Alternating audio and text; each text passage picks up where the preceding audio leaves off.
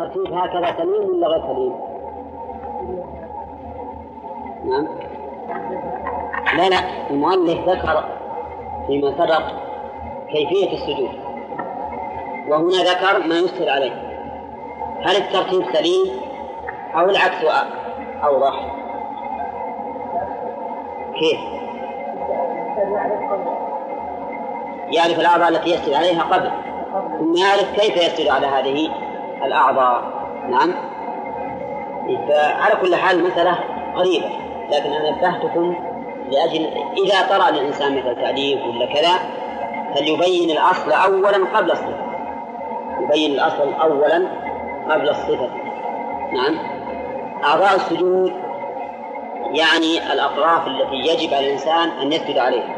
قال عن العباس بن عبد المطلب أنه سمع رسول الله صلى الله عليه وسلم يقول إذا سجد أح إذا سجد العبد سجد معه سبعة آراب. آراب جمع إرب بمعنى عضو. بمعنى عضو. بينها بقوله وجهه ولا وجهه. وجهه بدل أو عطف بيان لقول سبعة آراب. وجهه. والديان بالرفع قوله وكفاه وركبتاه وقدماه. أما قوله وجهه فلا شك أنه عام أو كل أريد به البعض. كل أريد به البعض. وش يراد بالوجه؟ الجبهة والأنف فقط. أما غيره ما يمكن السجود عليه. طيب ثانيا كفاه هذا أيضا كل أريد به بعض أو كل أريد به كل. كل أريد به الكل نعم.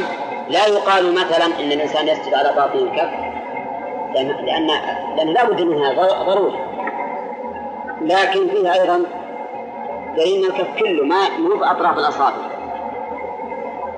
أو مثلا بعض الكف والثالث هذه ثلاثة آراب وركبتاه هذه خمسة آراب والسادس والسابع وقدماه. قدماه أيضا بعض كل أريد به البعض. كل أريد به البعض كما تبينه السنة. وفي قوله إذا سجد العبد سجد معه. إشارة إلى أنه ما يتحقق السجود إلا بذلك. إذا سجد سجد معه فدل هذا على وجوب السجود على هذه الأعضاء السبعة. طيب وفيها نأخذ الفوائد الآن. فيها أيضا دليل على أن السجود على الكفين وأنه لو سجد مثلا على المرفقين فسجوده غير صحيح. وظاهره كفاه سواء سجد عليهما بطونهما إلى الأرض أو ظهورهما إلى الأرض. أولا لو سجد هكذا. يصح ولا ما صح؟ ها؟ إذا نظرنا إلى إلى العموم يصح. إذا نظرنا إلى العموم يصح لأن هذا الرجل سجد على كفيه نعم؟ التجنيح ليس بالأمر الواجب. التجنيح ليس بالأمر الواجب. ولهذا قال قال فقهاؤنا رحمهم الله إذا سجد على بعض الكفين أو على الكفين مقلوبتين فإنه يجزئه لأنه يصدق عليه أنه سجد على الكف. لكن السجود على بعض الكف مثل لو حط إصابعه هكذا سجد على أطراف الأصابع أو إصبع واحد. هل يعد هذا ساجدا على على كفيه؟ هذا فيه نظر. وإن كان الفقهاء يجوزون ذلك ولكن الذي يظهر أنه لا يجوز إلا إذا كان هناك عذر. لو كان هناك عذر مثل تكون الأرض حارة جدا ويستوي على أطراف الأصابع يعاقبها. فهذا لا بأس. وأما بدون عذر فلا يقال هذا الرجل سجد على كفيه. وكذلك أيضا لو قبض الكفين لو سجد عليهما مقبورتين فهل نقول إنه سجد على كفيه ولا لا؟ ها؟ أي نعم الفقهاء يقولون سجد على كفيه لأن حقيقة الأمر أنه على الكف الآن ما هو على المرفق ولا على الذراع لا دعني مسألة أنه يفعلها على سبيل التعبد هو ما فعلها على سبيل التعبد لكن أنه جرت له هذه المسألة إنسان مثلا عام من جاء يسألنا قال ما والله سجدت وأنا قاعد في وهذه تقع من بعض العامة أشوفهم إذا سجد الإنسان في الصلاة وهو يقرأ من المصحف. يمسك المصحف في يده ويسجد على ظهر هذا دائما نشوفهم هكذا.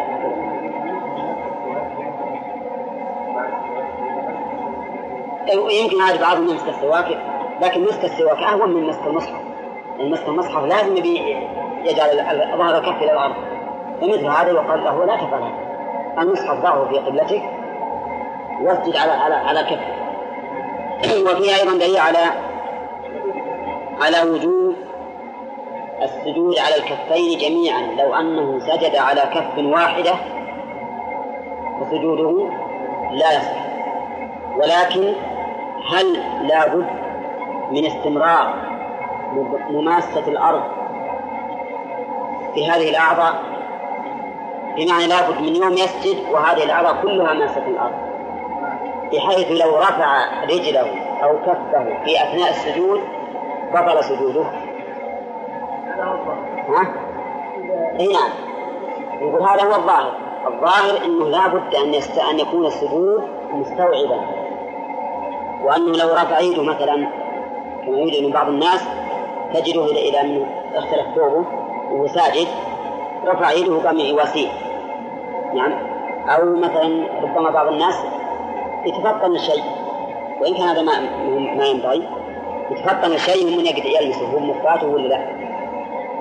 المهم أنه رفع عضوا من هذه الأعضاء في أثناء السجود. فيقال هذا الرجل لم لم يسجد. لكن لو فرض انسان وهو ساجد أصابه حكة في وجهه مثلا وش يسوي؟ ها؟ نعم لا يمكن يمكن يحك يحكها بأحد أصابعه والباقي على الأرض أليس كذلك؟ والحك هذا ليس ليس بمحرم ولا مكروه أيضا لأنه حركة يسيرة لدفع مشغل كثير. فإن الإنسان لو ترك الحكة ما ما, ما حكها تشغل إشغال عظيم بعض الأحيان. لكن أحيانا يتنقل به الشيطان. الظاهر والله أعلم أنه من وصف الشيطان. إذا حك مثلا هنا يمثل إلى الجهة الثانية وهكذا ثم يخليها الشيطان يمشي. إنما إذا طرأ عليه حكة وأراد أن يبردها بالحك حتى لا تشغل قلبه فهذه فهذه الحركة مأمور بها لماذا؟ لأن بها تمام الخشوع فيها تمام الخشوع وأما قول بعض الناس ما تحرك ولا تحك ولا شيء وخلنا واحد قلبه يلتهب بهذه الحكة فهذا ليس بصحيح. نعم. اي نعم.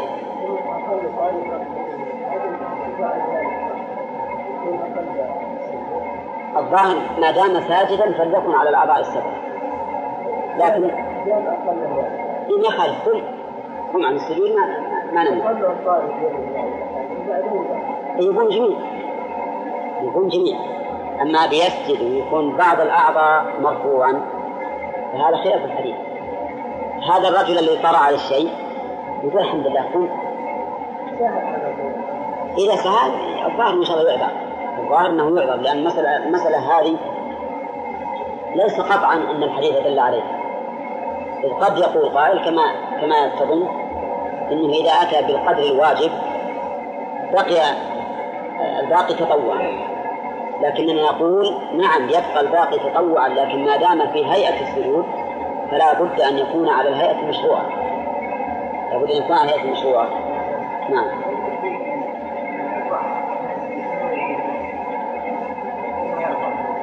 أي ما ما ما في تفريق لأن الواجب أن تستمر جميع السجدة وهذه الأعضاء على الأرض. فلا, فلا فرق بين يرفعها ويعيده أو يرفعها ولا يعيده. لا فرق بينهم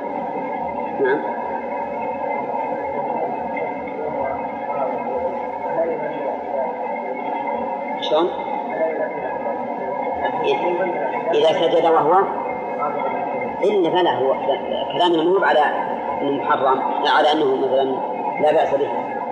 كلامنا على مجرد الإجزاء فقط. هل يجزي ويصدق عليه أن ويصدق عليه أنه سجد على كفيه أم؟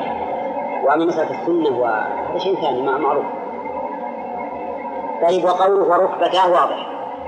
وقوله وقدماه أي أطرافهما كما سيأتي إن شاء الله. ويقال في الركبتين وفي القدمين بالنسبة للرفع ما قيل في إيش؟ في الكفين. هنا وعن ابن عباس رضي الله عنهما قال أمر النبي صلى الله عليه وسلم أن يسجد على سبعة أعضاء ولا يكف شعرا ولا ثوبا الجبهة واليدين والركبتين والرجلين. قوله أمر النبي صلى الله عليه وسلم يقول أهل العلم إن قول الصحابي أمر أمرنا إن قول الصحابي أمرنا من مرفوع حكم فهل مثله إذا قال أمر النبي أو ليس كذلك؟ لا خل من باب أولى لكن هل نقول إنه مرفوع صريحا أو مرفوع حكما؟ ها؟ الجواب مرفوع صريح وإن كان بعض الناس قد يتوهم أن قول الصحابي أمر النبي صلى الله عليه وسلم مثل قوله أمرنا. ولكن بينهما فرق. لأنه إذا قال أمرنا فقد أسند الأمر إليهم. جعل الأمر موجها إليه. لكن إذا قال أمر النبي فقد جعل الأمر موجها إلى النبي صلى الله عليه وسلم. طيب. وقد ثبت الحديث بلفظ آخر كما قال المؤلف أمرت أن أسجد وثبت أيضا بلفظ ثالث أمرنا أن نسجد. أمرنا. يقول الرسول عليه الصلاة والسلام. وعلى هذا فالحديث إذن مرفوع صريحا. يبقى السؤال الثاني في هذه الصيغة هل نقول إنه حديث قدسي حكما؟ ولا لا؟ يعني إذا قال النبي عليه الصلاة والسلام إذا قال النبي عليه الصلاة والسلام أمرت أو قال أمرنا هل نقول إنه حديث قدسي حكما؟ ها؟ الجواب نعم نقول إنه حديث قدسي حكما مثل ما قلنا إن قول الصحابي أمرنا حديث مرفوع حكما لأن الآمر هو الرسول صلى الله عليه وسلم إذا قال النبي عليه الصلاة والسلام أمرت فالآمر له من؟ الله فيكون حينئذ حديث قدسي حكما وعليه فتقسم الأحاديث القدسية إلى صريحة وإلى حكمية كما أن الأحاديث النبوية كذلك. نعم.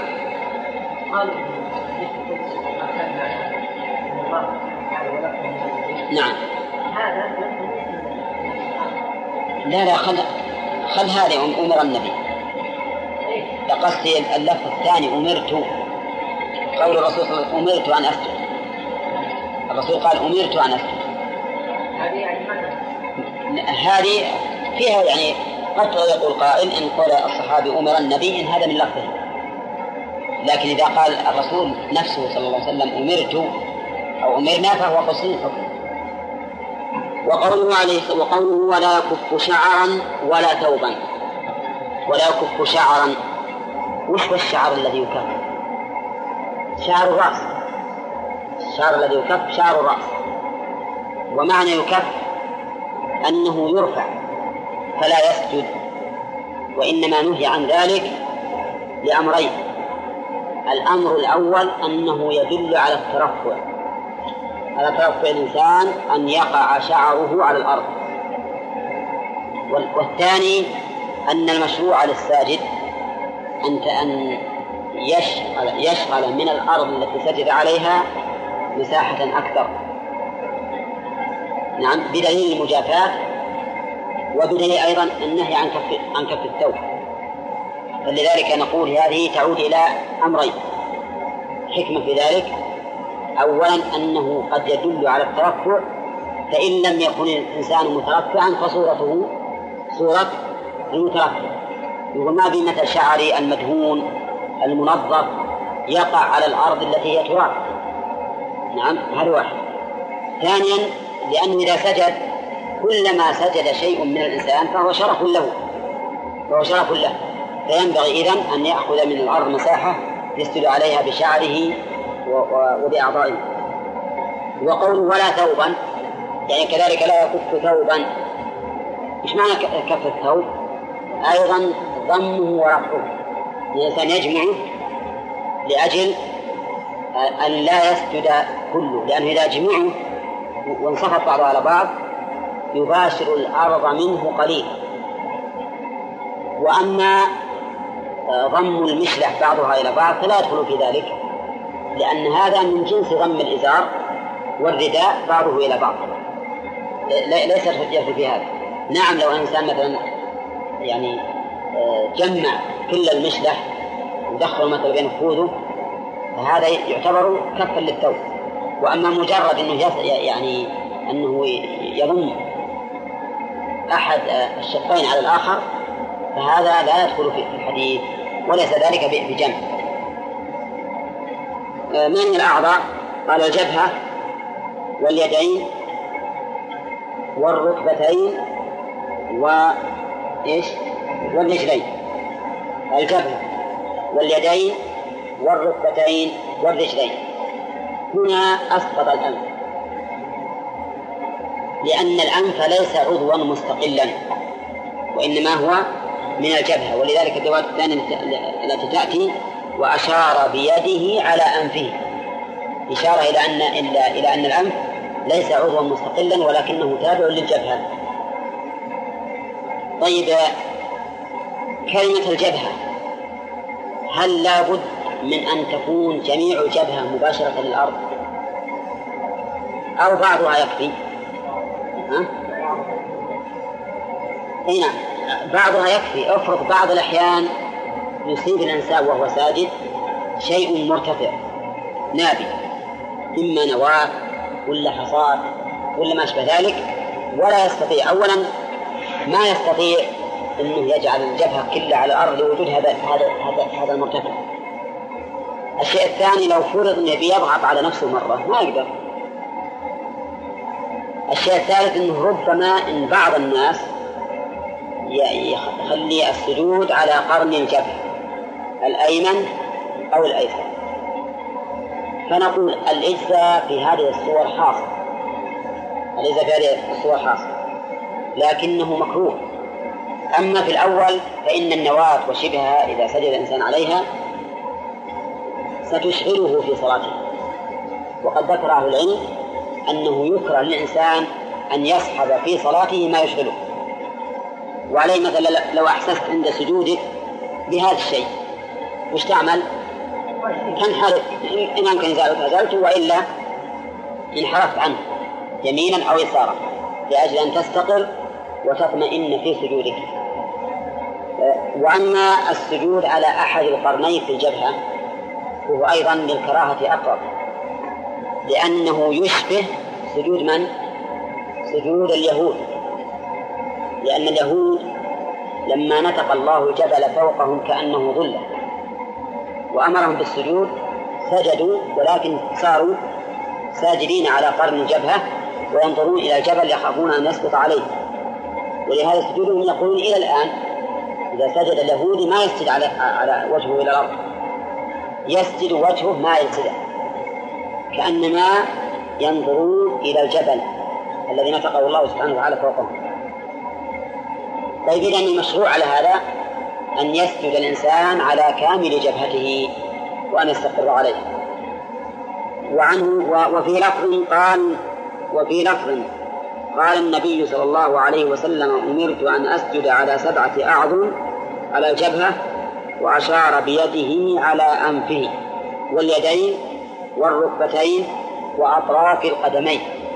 في هذه في هذا اللفظ زيادتان. أولا قوله وأشار بيده على أنفه. وفي اللفظ الأول حذف وثانيا قوله وأطراف القدمين. لا عندي أنا أي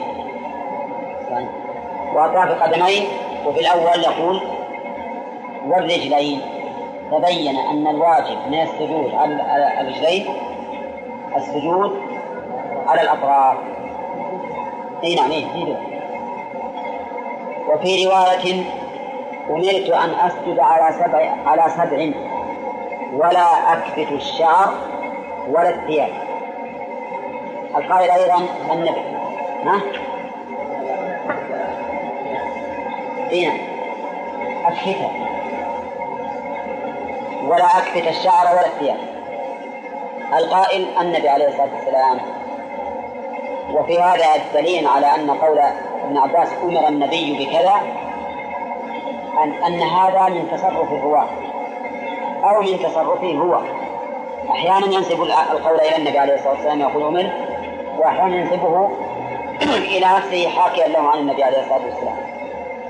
طيب أكفت؟ وش معنى أكفت؟ بمعنى أكفت مثل الأول. والشعر والثياب سبق الكلام عليه. باب المصلي يسجد على ما يحمله ولا يباشر مصلاه بأعضائه. نعم.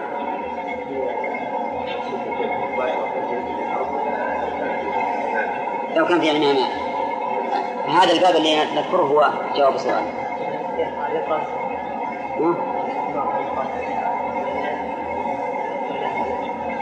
لا.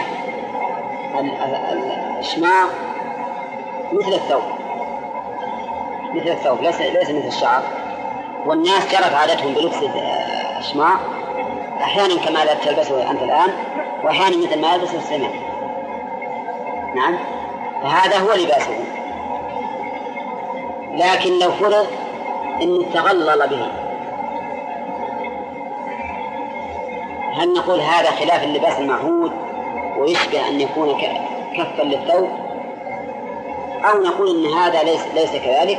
ولهذا العمامة أليست تكور وتلف؟ لأن هذا هو العادة بلبسه. على كل حال الكلام على أنه ما جرت العادة بلبسه هكذا فهو سواء كور أو ضم يبقى على ما عليه. لكن ما ما كفت على خلاف العادة هذا هو الذي نهى عنه النبي عليه الصلاة والسلام. طيب لنفرض مثلا أن بعض الناس جرت عادتهم مثل بعض النساء الآن جرت العادة بأن رأسه يكون يعني مرتفع. يكون مرتفعا. فإننا نقول تبقى على عادته. لكن لو تجي تبي عند الصلاة تكفوه من أجل الصلاة قلنا هذا منهي عنه.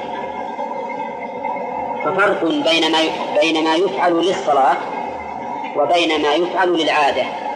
الشيء الذي جاءت به العادة ليس فيه نهي لا إذا جمعته ووضعته في القراصنة حتى كانت كسنام البعيد ينكر عليه. لا الصورة بعضهم يحطون على الرقبة يجمع يعد عبد. أكثر ما يصير هذا في أيام الحرب في أيام الحرب يتقون بالحرب نعم. إيش؟ جمع الشعر لا هو يسأل عن النهي عنها في الحديث الصحيح الذي ورد صنفان من أهل النار لم أرهما بعد وذكر منهن وذكر منهما نساء كاسيات عاريات مائلات مميلات رؤوسهن كأسنمة البخت فالمرأة اللي تجمع الآن في بعض النساء يجمع الشعر فوق حتى أن يصير مثل السنام هذا منهي عنه. لكن الذي تجمعه على الرقبة لا يدخل في نعم.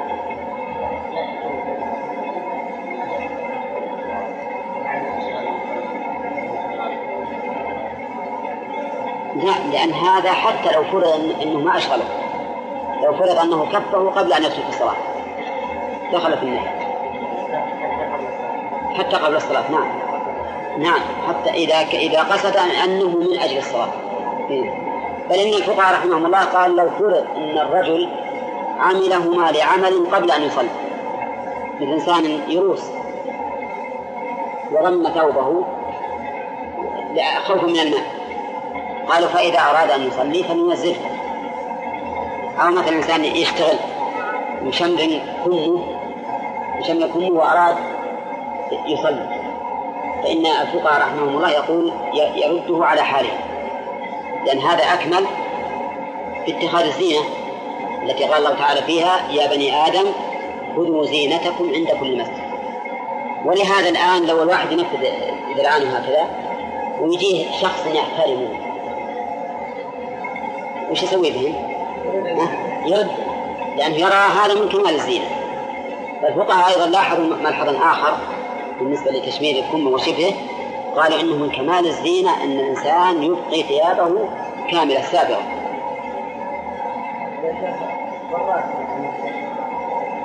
إذا كان مكشوفا في الصلاة فإن كان في قوم عادتهم كشف الرأس. فلا حرج عليه لأن هذا الرجل اتخذ زينة.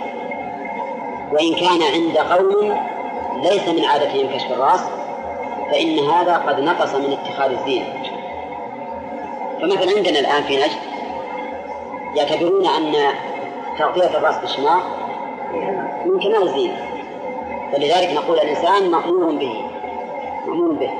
وليس حراما أن أن يخلع هذا ليس حراما لكنه مأمور به لأنه من كمال الزينة ولا جئت مثل البلاد عادتهم أنهم لا يتخذون على رؤوسهم شيئا.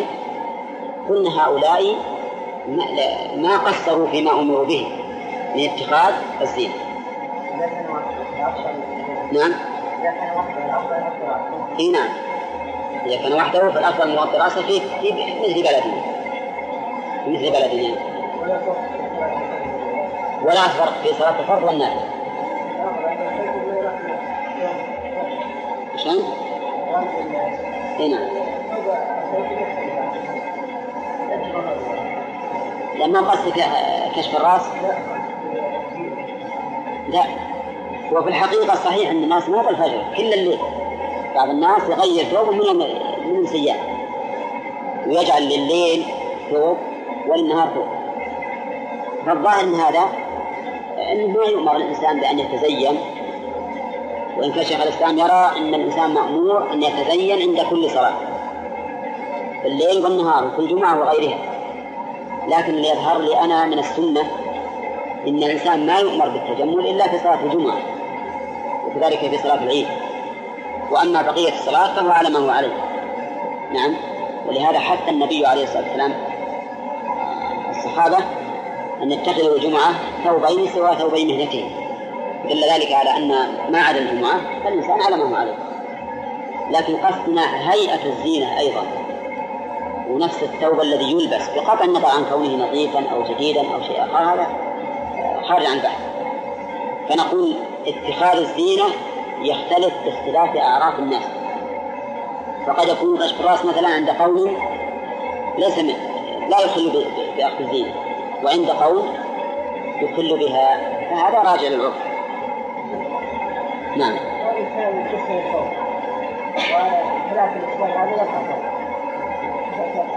يقول لا تلبس من الأصل لا أصل له ما قيل له؟ ما قيل له يقدر سلم كلا يخل يخله بشوكة ورد يخاف من أسفل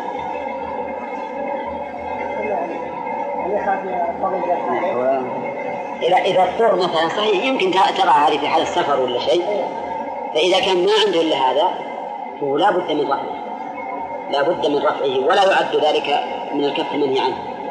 بل هذا من تجنب المحذور. لقول النبي صلى الله عليه وسلم ما أسفل من الكعبين فهو في النار. ثم قال المؤلف باب المصلي يسجد على ما يحمله ولا يباشر مصلاه بأعضائه. شوف يسجد على ما يحمله. على ما يحمله هو أي المصلي. لا على ما يحمله المصلي. على ما يحمله أي المصلي. يعني مثل ثوبه المتصل به شماغه مشلحه هذا اللي يحمل ولا يباشر مصلاه بأعضائه. عن أنس قال كنا نصلي مع رسول الله صلى الله عليه وسلم في شدة الحر فإذا لم يستطع أحدنا أن نمكن جبهته من الأرض بسط ثوبه فسجد عليه. رواه الجماعة يقول كنا نصلي مع النبي صلى الله عليه وسلم في شدة الحر يحتمل أن يكون هذا في السفر وأن يكون في الحضر. وذلك لأن مسجد النبي صلى الله عليه وسلم ليس كله مسبوقا بل بعضه مسبوق وبعضه رحبة غير مسبوق فإما أن يكون هذا آه، في الحضر ويكون أنس مع الذين ليسوا تحت السقف. وإما أن يكون في السفر والأمر واضح. وقوله فإذا لم يستطع أحدنا أن يمكن جبهته من الأرض يعني يقرها ويثبتها على الأرض بسط ثوبه. طيب منين ما يستطيع؟ من حرارة الشمس. بسط ثوبه فسجد عليه. ولم يقل خلع ثوبه بل قال بسط. والظاهر إن مراد الثوب الذي هو لابس. الذي هو لابس لا ثوبا آخر ولا كان يقول أتى بثوب. ثم إنه من المعروف ان الصحابة رضي الله عنهم. غالبه لا غالبهم لا يجد لا يجد ثوبين. لذلك نقول من هذه الأشياء الثلاثة يظهر أن المراد بذلك الثوب الذي هو لابس. فإذا إذا لم يستطع بسطه فسجد عليه. هذه حكاية حال الصحابة رضي الله عنهم مع النبي صلى الله عليه وسلم. أما ما يستفاد من, من هذا الحديث فذكر بعض العلماء أنه يستفاد منه عدم مشروعية الإبراد بصلاة الظهر. وش وجهه؟ قول المصلي في شدة الحر فإذا لم يستطع ولو أبردوا لاستطاعوا. طيب. لكن الصحيح أنه ليس فيه دليل. لأن لأن حرارة الأرض تبقى ولو بعد الإبراد حرارة تبقى. أليس كذلك؟ لا سيما إذا كانوا في سفر. إذا قلنا أن الحديث هذا كان في سفر. فإن الحرارة تبقى ولو بعد الإبراد لأن الإبراد سيكون إلى قرب العصر حتى رأوا فيأكلون وهذا تبقى معه الحرارة. الشيء الثاني لنفرض أن ذلك في وقت الزوال وأنه في غاية ما يكون من الحر فإن هذا الحديث ليس بذاك الصريح والأحاديث في الإبراد نعم صريحة صريحة واضحة. فإن كان هذا قبلها فهو منسوخ. كان هذا قبلها فهو منسوخ. وإن كان بعدها فهو لأن حرارة الأرض تبقى ولو بعد الإفراد إذا فلا يمكن أن يقدمها أن يقبل في هذا الحديث المحتمل دلالة الأحاديث الصحيحة الصريحة في الأمر بالإبراد بالصلاة. وفي قوله فإذا لم يستطع دليل على أن المشروع للإنسان أن يباشر المصلى أن يباشر مصلاه بجبهته. وفي أيضا دليل على جواز بسط الثوب والسجود عليه للحاجة. لقوله بسط ثوبه فسجد عليه. فإن قال قائل هذا فعل الصحابة.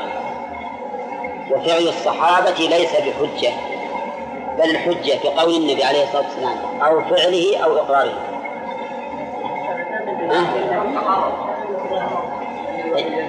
هذا من إقراره ما, ما الذي يدرينا أن الرسول عليه الصلاة والسلام علم به؟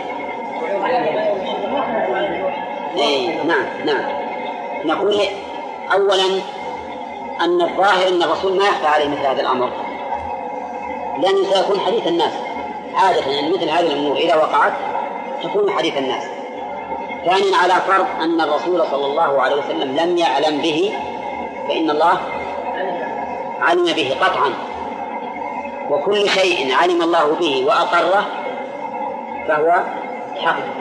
فهو حق. لأن الله تعالى لا يقر باطلا. لا يقر باطلا حتى ولو أخفي الباطل. ولذلك يفرح الله المؤمنين بباطلهم مع أنهم يصرون به. ما يعلم بهم أحد ومع ذلك الله تعالى يبين باطلهم وهذا دليل واضح على أن ما سكت الله عنه من أعمال الصحابة فهو لعلي. نعم على أنه حق وليس بباطل وإلا لأنكره الله سبحانه وتعالى. إذا ناخذ من هذا قاعدة كل شيء فعل في عهد النبي عليه الصلاة والسلام فهو فهو حجة فهو حجة وتشريع. سواء علمنا أن النبي صلى الله عليه وسلم علم به أم لم نعلم. طيب وفي هذا دليل آه، قلنا على جواز قصد الثوب والسجود عليه الحاجة. هل هناك حاجة غير الحرب مثل؟ هنا نعم. مثل لو كان حصى أو كان شوك أو كان برد. كان تكون عرض باردة جدا أيضا ويتعب الإنسان منه المهم إذا دعت الحاجة فهو جائز. نعم. بالنسبة لنا إحنا بسيط على الإنسان غفرة يبسط طرفه ويسجد عليه. نعم في عهد الصحابة الثوب يطلق على الإزار والرداء الإزار والرداء وبسط الرداء بسيط بسيط متصور. طيب فيه دليل أيضا على على أنه يكره أن يضع أن يبسط الإنسان شيئا من ثوبه ويسجد عليه. وش وجه الكراهة؟ إذا لم يستطع فجعل الأمر موكولا أو معلقا بعدم الاستطاعة. فدل هذا على أنه مع الاستطاعة لا يشرع بل ولا بل ولا يجوز ظهر الحديث. ما دام إن الأمر هذا الفعل علق بالاستطاعة بعدم الاستطاعة مع مع مع وجود الاستطاعه لا يثبت هذا الحكم. طيب غير غير الجبهة لو وضع الانسان لو بسط الإنسان ثوبه وسجد على يديه بيديه على هذا الثوب وش الحكم؟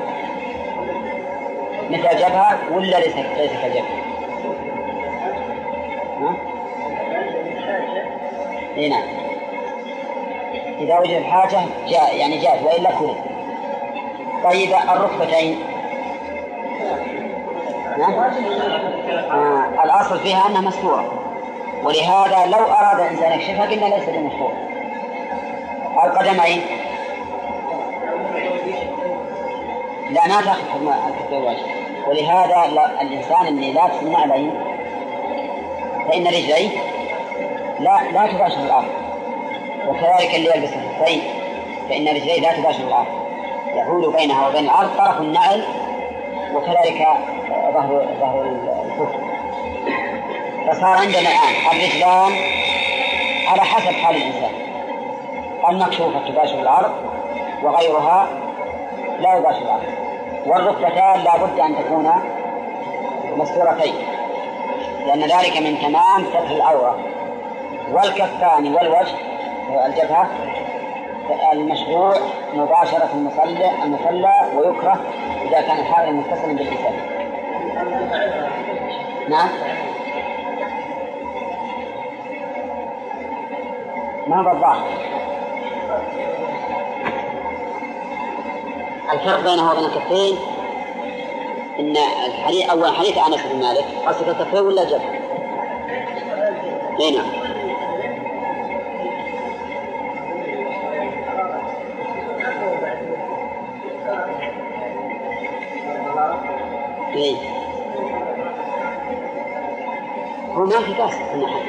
القدمين نقول ما يظهر لنا أنه مكروه. لكن يرد علينا أن وش الفرق بينه وبين الكفين. الجبهة ورد بها الحديث. والكفان قلنا قياسا على القدمين لأن جرت العادة بكشفهما أي؟ ورد إيش؟ نعم.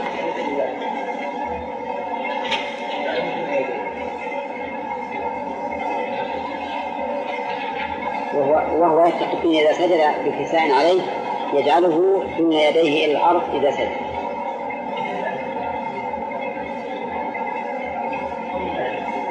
إذا نأجل البحث في هذا نقرأ الحديث كراهة كراهة لأن السجود حصل حصل مع الحادث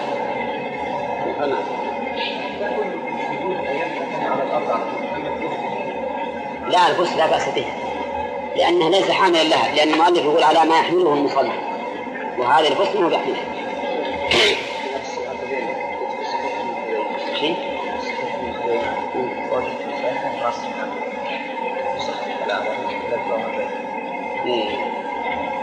لكن هذا أقول إنه بس ضم العقلين ضم القدمين جميعا ولا سبق العقلين ما زال الظاهر إذا ضم العقبين القدمين كذلك. لأنه هكذا يصير. يقول هكذا. ما يمكن لكن هذا خلاف يعني خلاف الطبيعة. هذا حتى في الصعوبه شوي.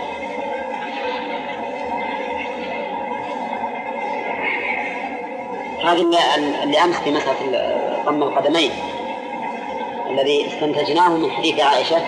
الاخ محمد يقول وجده في باب ضم العاقبين في السجود. صحيح ابن خزيمة. الحديث رقم 654 يقول آه، فوجدته ساجدا راصا عقبيه راصا عقبيه هذا يعني مما يؤيد استنتاجنا من حديث عائشة. يقول رواه البيهقي أيضا في الجزء الثاني صفحة 116 أيضا. الألباني بعد ذكره. زين الحمد لله.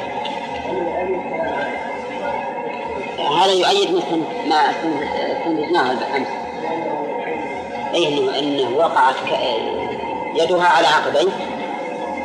هذا ما يتصور في الغالب إلا إذا كانوا مصفوفات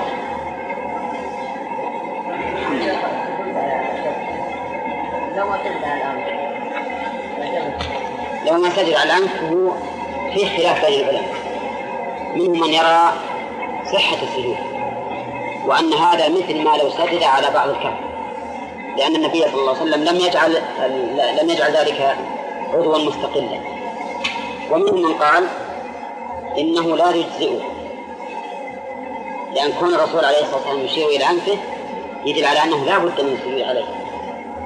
ولهذا ما قال على الكفين وعشر مثلا لو يشبهه كونه ينص على يشير إلى الأنف يعني لا بد منه. المشهور من المذهب إنه ما ما يصح السجود الا بالجبهة والأنف جميعا. وهذا هو الأقرب. الأقرب إنه ما يصح. خصوصا وإن بعض الناس بعض الناس يصير عنده والعياذ بالله تكبر أن يلغم أنفه بالتراب. الجبهة يمكن يتحمل لكن الانف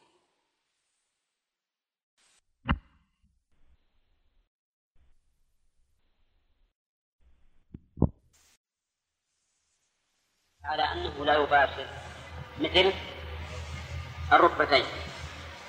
وسبق أيضا أنه لا بأس عند الحاجة أن يجعل الإنسان بينه وبين مصلاه حائلا مما يحمله يعني مما يحمله المصلي.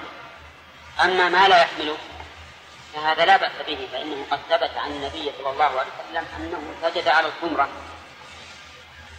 والخمرة عبارة عن حصير صغير بمقدار ما يسجد عليه الإنسان. لكن الكلام على ما يحمله المصلي هل يسجد عليه أو لا يسجد؟ نقول لا ينبغي السجود إلا إذا دعت الحاجة إلى ذلك وسبق حديث أنس فيه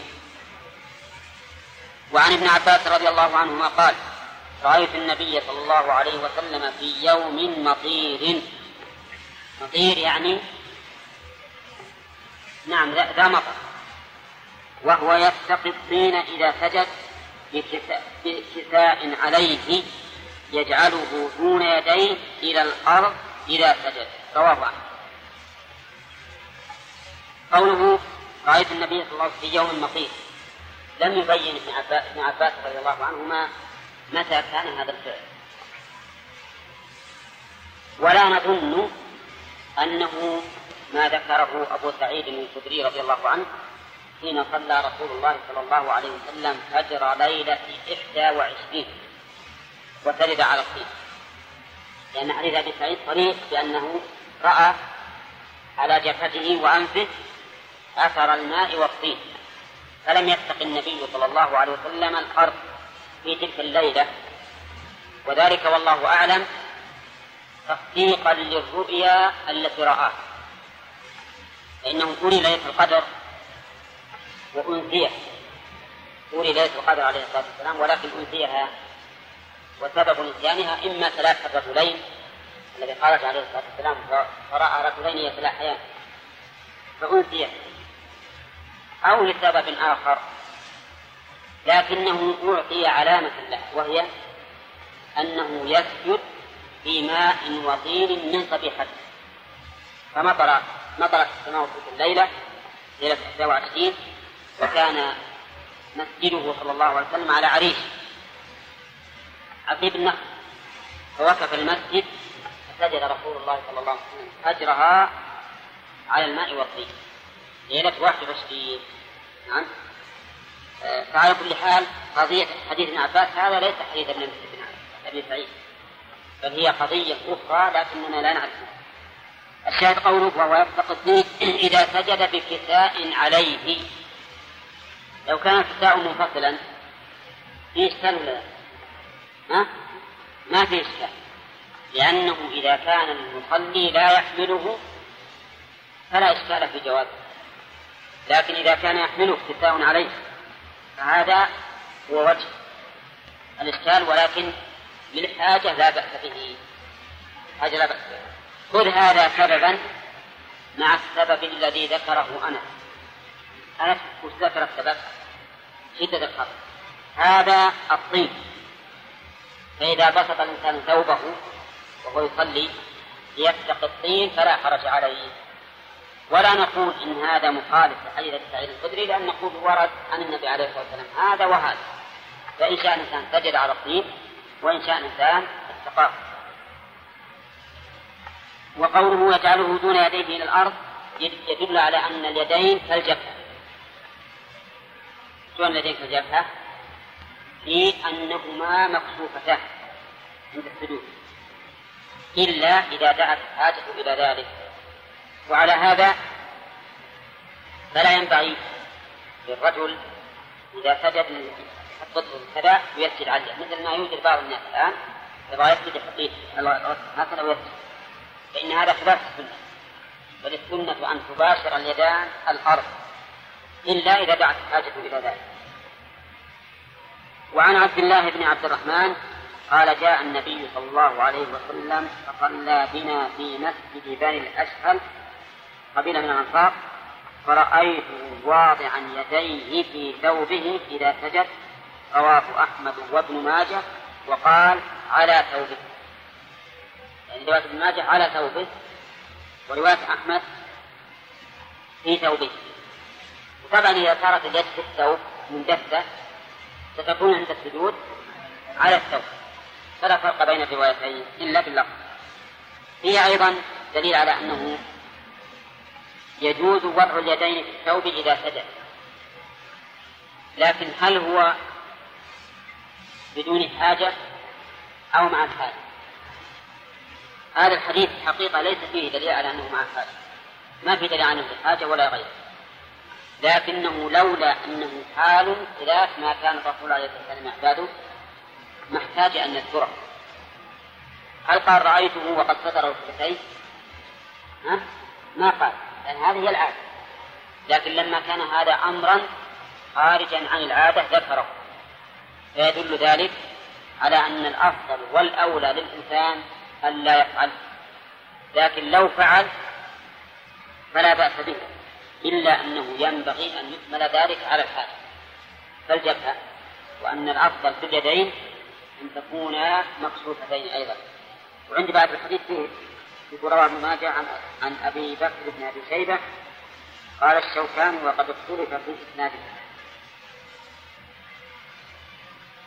وعبد الله هذا سكت عنه ثابت زيد والخزرج في الخلاص وقد رواه البيهقي وقال في إسناده بعض الضعف بعض الضعف ثم ساقه في إسناد ضعيف آخر حديث ابن عباس قال رأيت النبي صلى الله عليه وسلم يصلي في كساء أبيض في غداة باردة يتقي بالكساء برد الأرض بيده ورجله.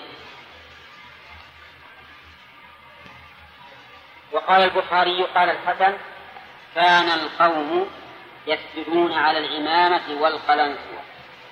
ويد و ويداه في كميه الحسن من التابعين.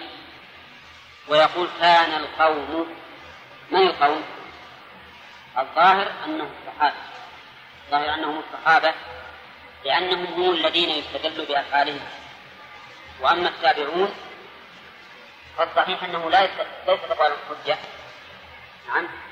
وذلك ينبغي أن يبسط فيه القول أولا اختلف اختلف العلماء هل قول الصحابي حجة أم لا؟ وعلى القول بأنه حجة فهل جميع الصحابة أقوالهم حجة؟ أم الذين عرفوا بالعلم والفقه؟ أم الخلفاء الراشدون فقط؟ أم أبو بكر وعمر فقط؟ على خلاف في ذلك كله والصحيح أن قول الصحابي ليس بحجة إلا من عرف بالعلم والفقه. من عرف بالعلم والفقه فهذا قوله حجة لأنه لأن عنده علما والعلم الذي عنده ورثه من النبي صلى الله عليه وسلم. لا سيما أبو بكر وعمر فإن النبي صلى الله عليه وسلم نص على الاقتداء بهما. فقال اقتدوا بالذين من بعد أبي بكر وعمر. ولكن مع ذلك قوله حجة بشرط وشرطه أن لا يخالف النص عن النبي عليه الصلاة والسلام أو في كتاب الله. فإن خالف نصا في كتاب الله أو في سنة رسوله صلى الله عليه وسلم فليس قوله حجة بالإجماع. وذلك لأنه لا يعارض قول أحد قول النبي صلى الله عليه وسلم بقول أحد كائن من كان طيب التابعون التابعون أقواله ليست لكن لا شك أنها أقرب إلى الصواب ممن بعده. لأنهم أدركوا الصحابة وأخذوا عند عنهم والأمة لم تختلف اختلافا كثيرا بعد فقولهم أقرب إلى الصواب. لكن ليس بحجة بمعنى أنك ليس من حقك أن تحتج علي بأن هذا قول حق أو هذا قول قتادة أو هذا قول فلان وفلان من التابعين لأنك حتى وإن احتجت علي بذلك يا أخي فإني أرفض هذه الحجة لي الحق في أن أرفض هذه الحجة ليش؟ لأنه لا حجة إلا في قول الله ورسوله وفقهاء الصحابة رضي الله عنهم ما لم يخالف النص طيب إذا اختلف الصحابة في مسألة على قولين فبأي أقوال نأخذ؟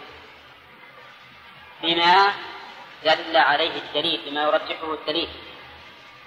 فإن لم يوجد مرجح من الأدلة فلا شك أن الأخذ بمن بقول من هو أعلم أولى من الأخذ بمن بمن دونه. فمثلا لو اختلف عمر بن الخطاب رضي الله عنه مع من دونه من الصحابة. فالأولى أخذ من الأخذ بقول عمر. إلا إذا كان الثاني معه ما يرجح قوله من كتاب الله أو سنة رسوله صلى الله عليه وسلم فإننا نأخذ به. طيب الحسن هنا يقول كان القوم يعني الصحابة. وساق ذلك لماذا؟ استدلالا على الجواب. وأن قول النبي صلى الله عليه وسلم أمرت أن أسجد على أعظم. على الجبهة ما لم يكن ثمة عذر. فإن كان ثمة عذر فلا بأس. وقوله القلنسوة وش القلنسوة؟ القلنسوة نعم. شيء يوضع الراس مثل الطواقي الكبار. نعم. وقد ذكر الفقهاء إن القضاة يلبسونه ولعل ذلك في عصر من العصور كانت تتخذ عادة من القضاة وقوله يداه في كميه يعني ويسجد الرجل ويداه في كميه يداه في كميه والظاهر أيضا أن هذه الأكمام التي أشار إليها الحسن ليست أكمام القميص المعمودة بل أكمام كان الناس يستعملونها فيما سبق. الذي منكم كثير السن يمكن يعرفه. سمى الثوب المردد. الثوب المردد نعم. ثوب يجعلون له كم كم واسع وفيه أيضا من طويل. طويل بعض الناس يكون تفحت في الأرض. نعم. فائدته أنهم إذا صاروا يحتاجون إلى الشغل إذا احتاجوا إلى الشغل عقدوه عقدوه ويقف اليد إلى إلى الكتف تقريبا ظاهر. نعم. هذه الأكمام لعل الناس كانوا يلبسونها في عهد في عهد الحسن فيسجد الرجل ويده في كمه أما كم القميص فإن الأولى أن تكون إلى الركب إلى هذا هذا الأولى ويجوز أن تكون إلى أطراف الأصابع ما لم يكن في ذلك خيلاء إن كانت ذلك خيلاء فإنه كنا قال وروى سعيد في سننه عن إبراهيم. من إبراهيم؟ النخل. قال كانوا يصلون في المسافق والبرانس والطيالسة ولا يخرجون أيديهم. في هذا أيضا دليل على جواز السجود على هذه على الأكمام. على الأكمام. ولكن لعلهم يفعلون ذلك لمشقة إخراج اليد وأنها تحتاج إلى عمل. المسافر يقول عندي إنها كبر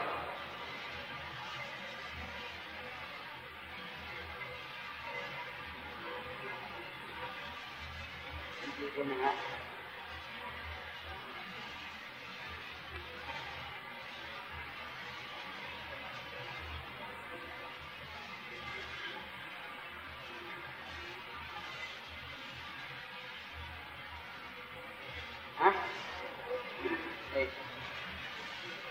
بعد طيب.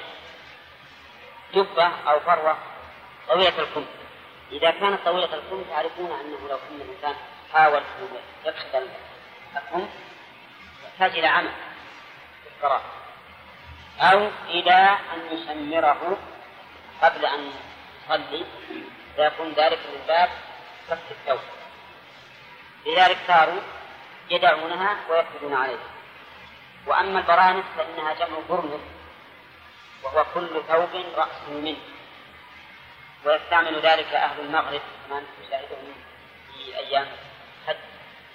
ثوب وتجد متصل به شيء يغطي الرأس مثل مثل القبع. هذه البرانس أما الطيالسة ما أدري ما ذكرها ها؟ بس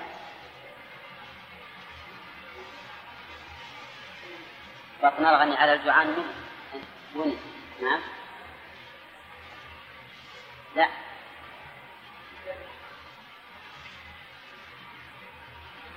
على كل حال اللي عنده علم هذا يستحقون به هي فيما يظهر والله أعلم أن الطيارة هذه انها ثياب واسعة كبيرة بدليل أنهم إن ترفع عليه ترفع على الإنسان ويصلي ولا يخرج يده منه. وكان خلاصة الكلام في هذا الباب أن المشروع صلاة الإنسان مباشرا بمصلاه في جبهته ويديه. أما الرجلين في محل نظر وأما الركبتان فمستورتان لكن إذا دعت الحاجة فإنه يجوز وآكد ما يكشف آكده ما ما هو الجبهة والأنف ثم اليدين ثم القدمين. فإن الجبهة والأنف حديث أنس واضح. حديث أنس رضي الله عنه واضح أنهم ما كانوا يسجدون على شيء متصل بهم إلا إذا لم يستطيعوا. إلا إذا لم يستطيعوا. والكفين كما ترون في حديث ابن عباس حديث عبد الله بن عبد الرحمن ما يدل على أن المسألة ألجأت إليها الضرورة وكذلك أيضا فعل الصحابة وصلاتهم في القلانسة ما يدل على أن المسألة ألجأت إليها الضرورة فهي أخف من الجبهة بلا شك. ومسك القدمين محل نظر. أن نقول إن إنه مثلها ما يسكت إلا إذا دعت حاجة إليه أو أنها لا بأس تسجد كما هو ظاهر فعل النبي عليه الصلاة والسلام يلبس النعل فإنه لو كان المشروع كشف الرجل لكان لا تلبس النعل إلا لحاجة إلا لحاجة. فالظاهر أن نعم. ها؟ وكذلك الكفر الظاهر أن مسألة القدم ما فيها ترتيب الكشف والستر واليد يرجح فيها الكشف وأما الجبهة فالكشف فيها آفة من ذلك كله. ولهذا ما ينبغي للإنسان أن يصلي على شيء متصل به على جبهته إلا إذا دعت حد إلى ذلك. ذكر الفقهاء رحمهم الله مسألة أنه يكره للمصلي أن يخص جبهته بما يسجد عليه. حتى ما كان الناس يفعلونه في السابق. كان الناس السابق يضعون المروح المهفت ويسجد عليه الإنسان جبهته وأنفه بخلاف يديه هذه من حيث الأصل جائزة ولا لا؟ ها؟ من حيث الأصل جائزة لأنها منفصلة ليس يحملها المصلي لكن قالوا إن فيه علة ثانية وهي مشابهة الرافضة فإن الرافضة يخصون جباههم بشيء يسجدون عليه. نسميه نحن ها؟ التربة يسمونه. هذه التربة أنا رأيتها مثل علبة الكبريت مثل علبة الكبريت مصنوعة من الطين. يقال هذا من طين كربلاء. ولذلك عند الحدود السعودية في العراق يقال إنها البقالات تباع. عندهم تنف صناديق مملوءة من هذا؟ ومن جاء باعوا عليه. يسجدون عليه. يتبركون بها. يتبركون بها. بعضهم إذا منك فقدت شفت قد قال ما قصدي أتبرك بهذه التجارة ولكن قصدي أن لا أسجد على شيء من غير جنس الأرض. الفراش ما يسجد عليه. على دعم لا يرون السجود عليه لأنه ليس من الأرض فلا بد عندهم أنك تسجد هكذا زعم على شيء من جنس الأرض كالحجر والطين وما أشبه ذلك من الفرش ولا تسجد عليه عندهم والحصين ما تسجد عليه. مع أن الرسول صلى الله عليه نعم. شلون؟ ها؟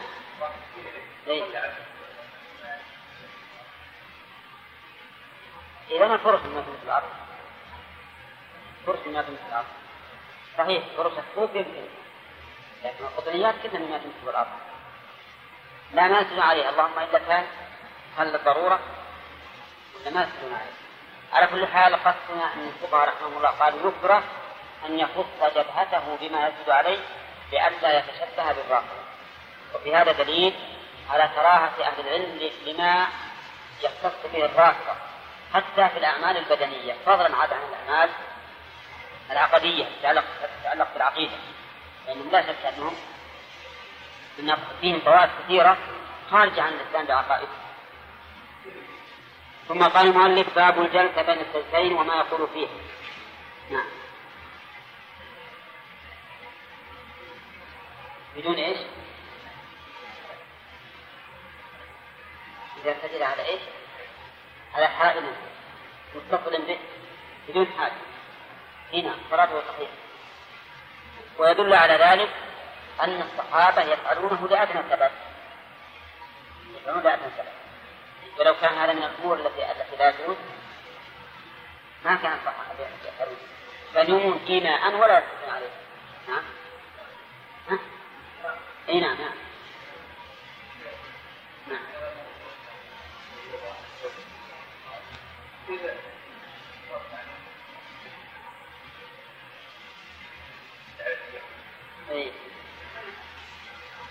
ظاهر هذا ما لأن هذا معروف أن الفرق كبير مهم ما يخص به الجسد يعني لو تقدم أيضا قليلا تسجد على على على كفيه ولهذا لأن تذكر أحيانا يصير الالتفات الأول قصير أحيانا يصير قصير يحتاج الإنسان إلى أنه يسجد وراءه. بأس باب الجلسة بين السجدين وما يقول فيها. عن أنس رضي الله عنه قال كان رسول الله صلى الله عليه وسلم إذا إذا قال سمع الله لمن حمده قام حتى نقول قد أوحى. ثم يقول. ويفعله بين السجدتين حتى نقول قد أوهم رواه مسلم. ويقعد نعم ويقعد بين السجدتين حتى نقول قد أوهم رواه مسلم. يقول أنس كان النبي صلى الله عليه وسلم إذا قال سمع الله لمن حمده قام. يعني قائما وقف قائما حتى نقول قد أوهم أي وقع في الوهم أي النسيان. وهذا يدل على أنه كان يطيل هذا الركوع وكذلك يقعد بين السجدتين حتى نقول قد أوهم. فيطيل هذا الركن. وإنما قال أنس ذلك لأن أمراء بني أمية الذين أدركهم أنس كانوا لا يطيلون هذين الركنين وعنهم أخذ الأحناف هذه الصفة. ما يطيلون الجلوس بين السجدتين ولا القيام بعد الركوع. وهذا خطأ. إن النبي صلى الله عليه وسلم كان يجعل ركوعه وقيامه بعد الركوع وسجوده وجلسته بين السجدتين يجعلهما قريبا من السواء قريبا من السواء لأجل أن تكون الصلاة متناسبة أما عمل الناس اليوم هؤلاء الذين يقصرون القيام بعد الركوع والجلوس بين السجدين هذا خطأ. هذا خلاف السنة وإذا لم يكن فيه طمأنينة صار ذلك مبتلا لصلاته. صار مبتلا للصلاة. وكثيرا ما نرى هؤلاء ونأمرهم بالإعادة. حتى لو قالوا مثلا إنهم على مذهب فلان وفلان. هذا المذهب مرفوض السبب من المرفوض؟ لأنه خلاف الحديث الصحيح الصريح حتى تطمئن. حتى تطمئن. نعم. فإذا كان الرسول يقول حتى تطمئن راسك حتى تعتدل قائما وفي رواية حتى تطمئن. ويقول حتى تطمئن ساجدا حتى تطمئن جالسا وجعل النبي صلى الله عليه وسلم الباب واحدا في الركوع والسجود والقيام بعد الركوع والجلوس بين السجدتين إذا لو قالوا نحن نتبع فلان وفلان قلنا هذا مما ينكر على فلان وفلان. ننكره عليكم ونأمرهم بالإعادة. طيب وفيه أيضا آه، قوله حتى نقول قد أوهم. كيف يقولون قد أوهم؟ وهم يعرفون أن الرسول عليه الصلاة والسلام كان يجعل قيامه بعد الركوع وجلسته بين السجدتين مقاربا للركوع والسجود. أو كيف يقولون قد أوهم وهم يعرفون أن هذه حال لأنه ما ما يمكن يقول قد نفسي إلا إذا إذا خرج الإنسان عما يؤخذ منه. نعم.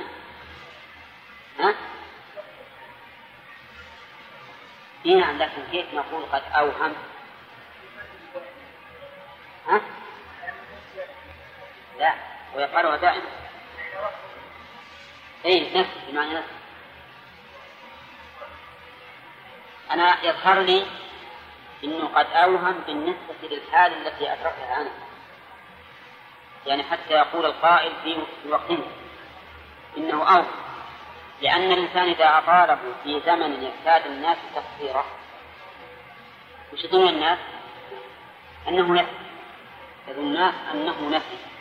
وإلا فما ففعل الرسول عليه الصلاة والسلام ما يظن أنه نفي وقد علم أن من عادته جعل الركوع والسجود والقيام بعد الركوع والجلوس بين السجدين على حد سواء وهم يعرفون ذلك منه. ولا يمكن أن يقولوا أوهم وهو على عادته. هنا. وفي رواية متفق عليه أن أنس قال إني لا آل أن أصلي بكم. لا آل أي لا أقصر أن أصلي بكم كما رأيت النبي صلى الله عليه وسلم يصلي بنا يصلي بنا. فكان إذا رفع رأسه من الركوع انتصب قائما حتى يقول الناس قد نسي وإذا رفع وإذا رفع رأسه من السجدة مكث حتى يقول القائل قد نسي. حتى يقول الناس قد نسي. هذا أيضا مما يرجح ما ما, ما قررناه. من أن المراد بعرف الناس في عهد أنس. يقول القائل قد نسي لأنه أطاله على خلاف ما كانوا يعتادونه وفي هذا دليل على استحباب إطالة القيام بعد الركوع والجلوس بين السجدتين. عند الناس الآن في قيام رمضان. يطيلون الركوع والسجود. أولا.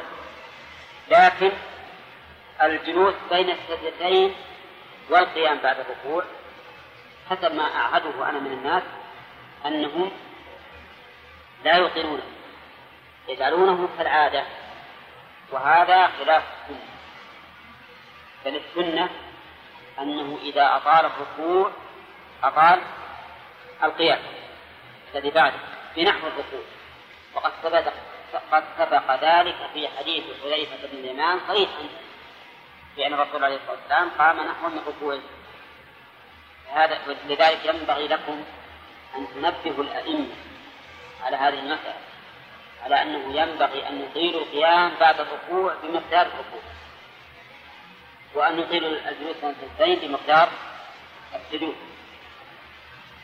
يبقى العامي برؤوس تحتاج وقت نعم. نقول لا لا تقف تكبر أما بعد الركوع قيام بعد الركوع فإنه موضع ثناء وحمد. فكرر الحمد.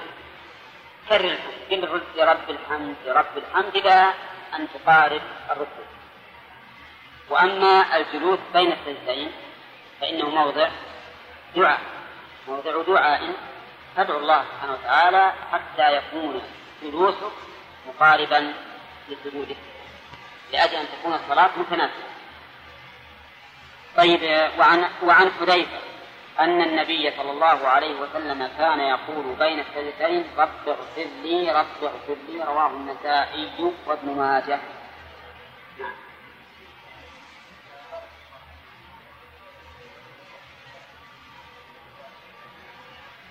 لا لا ما طول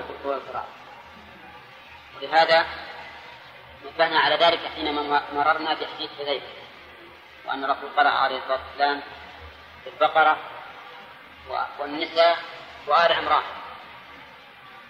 إن لو جعل الركوع بمقدار القيام والسجود بمقدار الركوع والقيام بعد الركوع بمقدار الركوع ولا أجلس سنتين بمقدار السجدة متى يحضر؟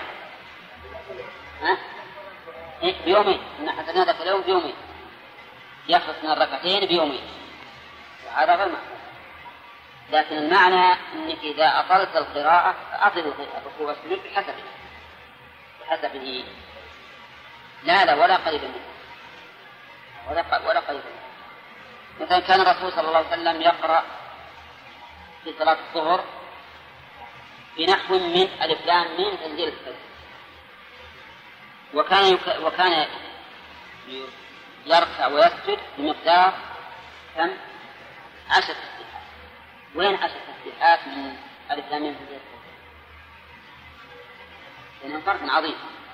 لكن المعنى أنك إذا خففت في القراءة خفف الركوع مثلا في سنة الفجر. تقرأ قل يا أيها الكافرون قل والله أحد خفف الركوع والسجود ولا لا؟ خفف. لأنك خففت القراءة فخفف الركوع. وإذا أطلت القراءة فأطل الركوع والسجود لكن بحسبه. حسبها. ليس معنى بقدرها لا وعن ابن عباس نعم.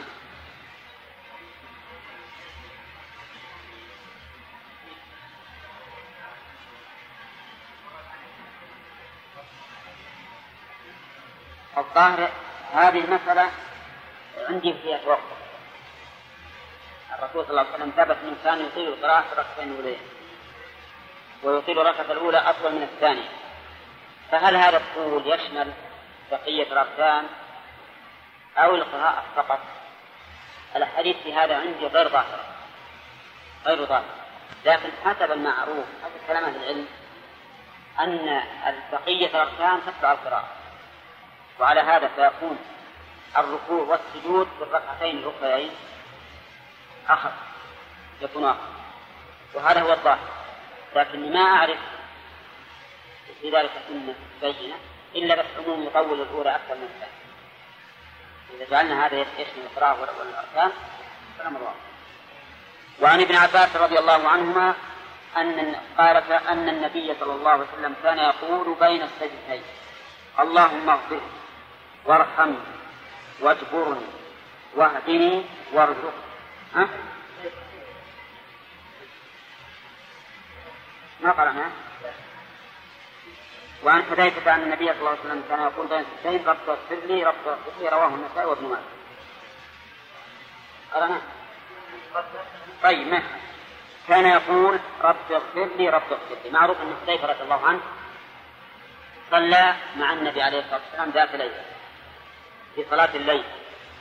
وحذيفة وغيره يستدلون بهذا الحديث على أنه على أن رب اغفر لي هو الذكر بين السجدتين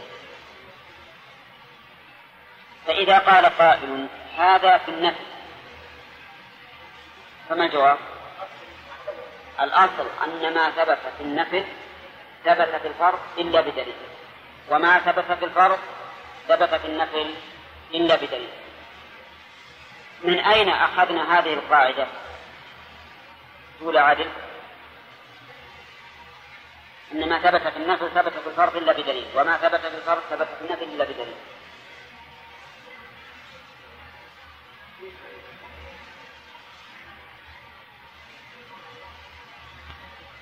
ها؟ لا. أخذناه من دليل مفصل. عقيل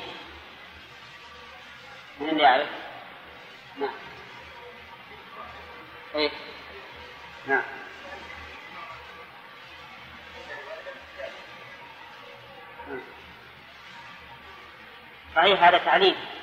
هذا تعليم من جنس واحد والعبادات من جنس واحد ما ثبت في فرد منها ثبت في الباقي إلا بدليل. لكن نريد دليلا على هذه المسألة دليلا علميا لا عقليا. محمد.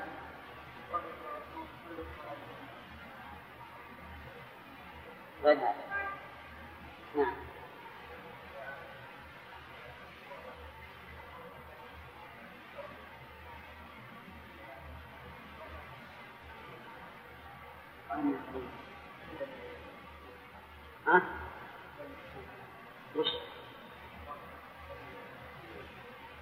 الصحابة رضي الله عنهم حكوا عن النبي عليه الصلاة والسلام أنه كان يصلي على راحلته حيثما توجه.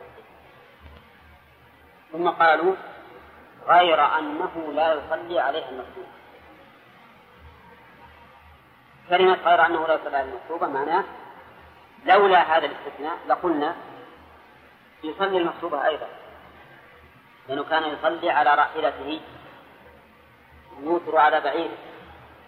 غير أنه لا يصلي عليه المكتوب فدل ذلك أن أنه أنه من مفهوم أن ما ثبت في النفل ثبت في الفرض إلا بدليل. استثناؤهم الفرض من ذلك؟ يدل على أن الأصل مش الأصل؟ التساوي.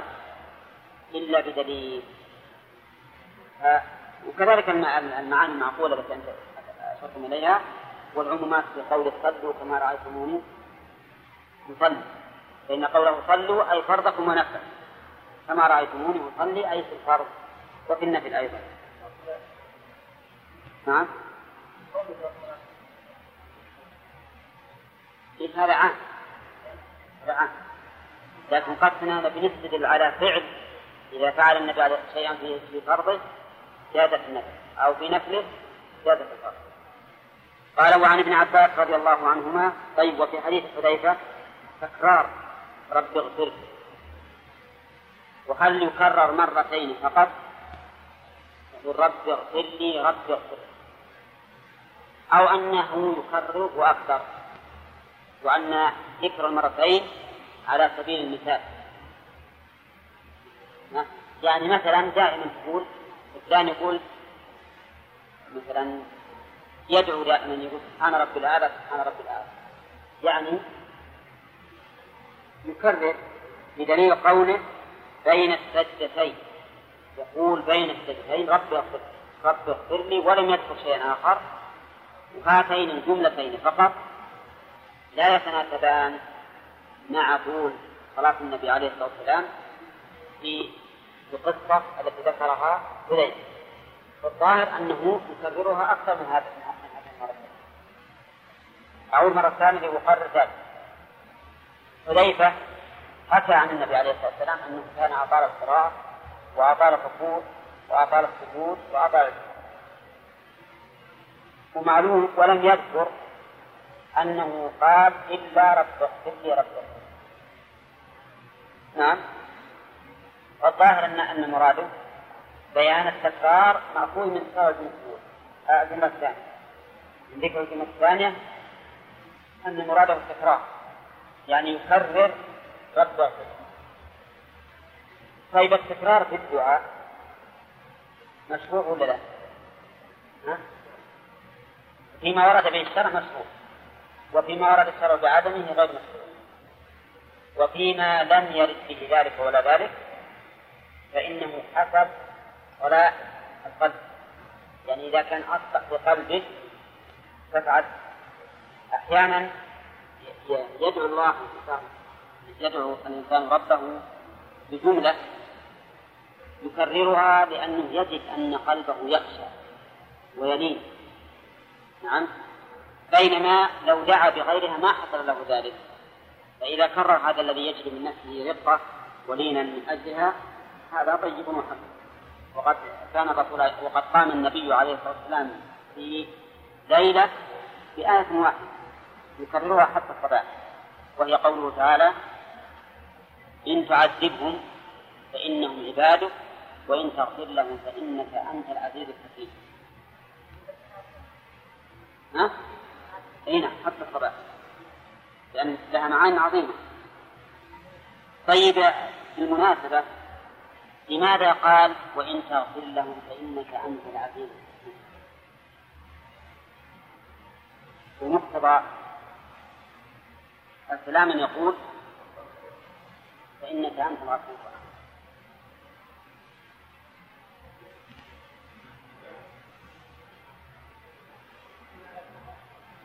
ها؟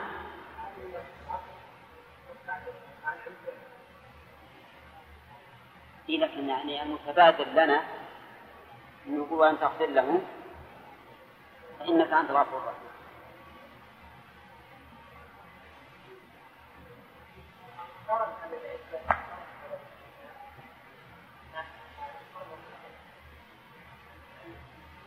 ما خالف. العزة دائما تقام بالحكمة لأنه العزة بدون حكمة يكون غش ظلم.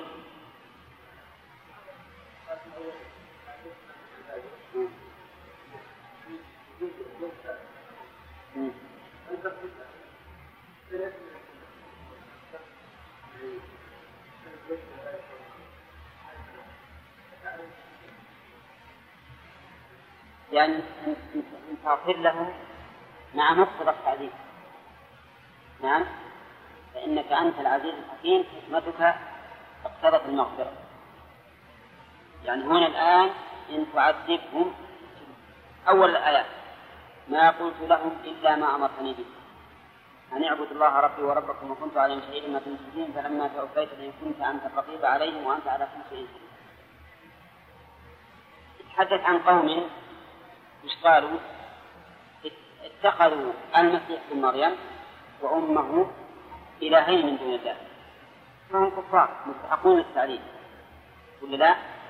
ولهذا ما قال فإنك أنت الغفور الرحيم لأن المغفرة هنا ما تشمل هؤلاء مش تشملهم؟ اللي يشملهم العزة والحكمة الذي يليق بهم العزة والحكمة كما أن الوقت أيضا الوقت وقت عظيم جدا يوم عظيم. حتى إن الأنبياء عليهم الصلاة والسلام يعتذرون من الشفاعة للخلق ويقولون إن ربنا قد غضب غضبا لم يغضب مثله قط. في هذه الحال يعني الملابسات الوقت يقتضي العزة والحكمة والسلطه لهذا قال انك انت العزيز فإذا الجواب أن عيسى عليه الصلاة والسلام يتحدث عن قوم لا يستحقون المغفرة لأنهم اتخذوا المسيح ابن مريم وأمه إلهين من دون الله. فقال إن تعذبهم فإنهم عبادك ومرجعهم إليك وإن تغفر لهم فإنك أنت العزيز الحكيم لأنه يعلم أن أن الله سبحانه وتعالى سيعاقبهم. ولكن مع ذلك لو أنك لم تعاقبهم فهذا يحصل بعد عزة وحكمة نعم. نعم. تكرار. أقول ما ورد في السنة بتكراره فهو سنة. مثل ما ورد في سنة التكرار آه، ذكر على الصفا وعلى المروة فهو سنة. ومثل حديث حذيفة رب اغفر لي رب اغفر لي وما لم وما ورد السنة في إفراده وعدم الكفار فالأفضل عدم الكفار. ها؟ ورد مرة واحدة دعا به مرة واحدة وما لم يرد يعني تنظر على النفس. وما هو؟ فاسأل هل مثلا أن ترى أنك تثبت أكثر تخشى أكثر باستقرار أو في تنويع ما تدعو به والإنسان كل الحالات حقيقة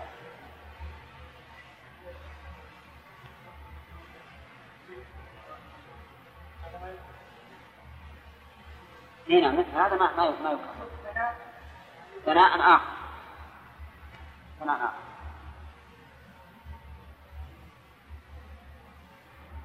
لكن لرب الحمد. مكررة.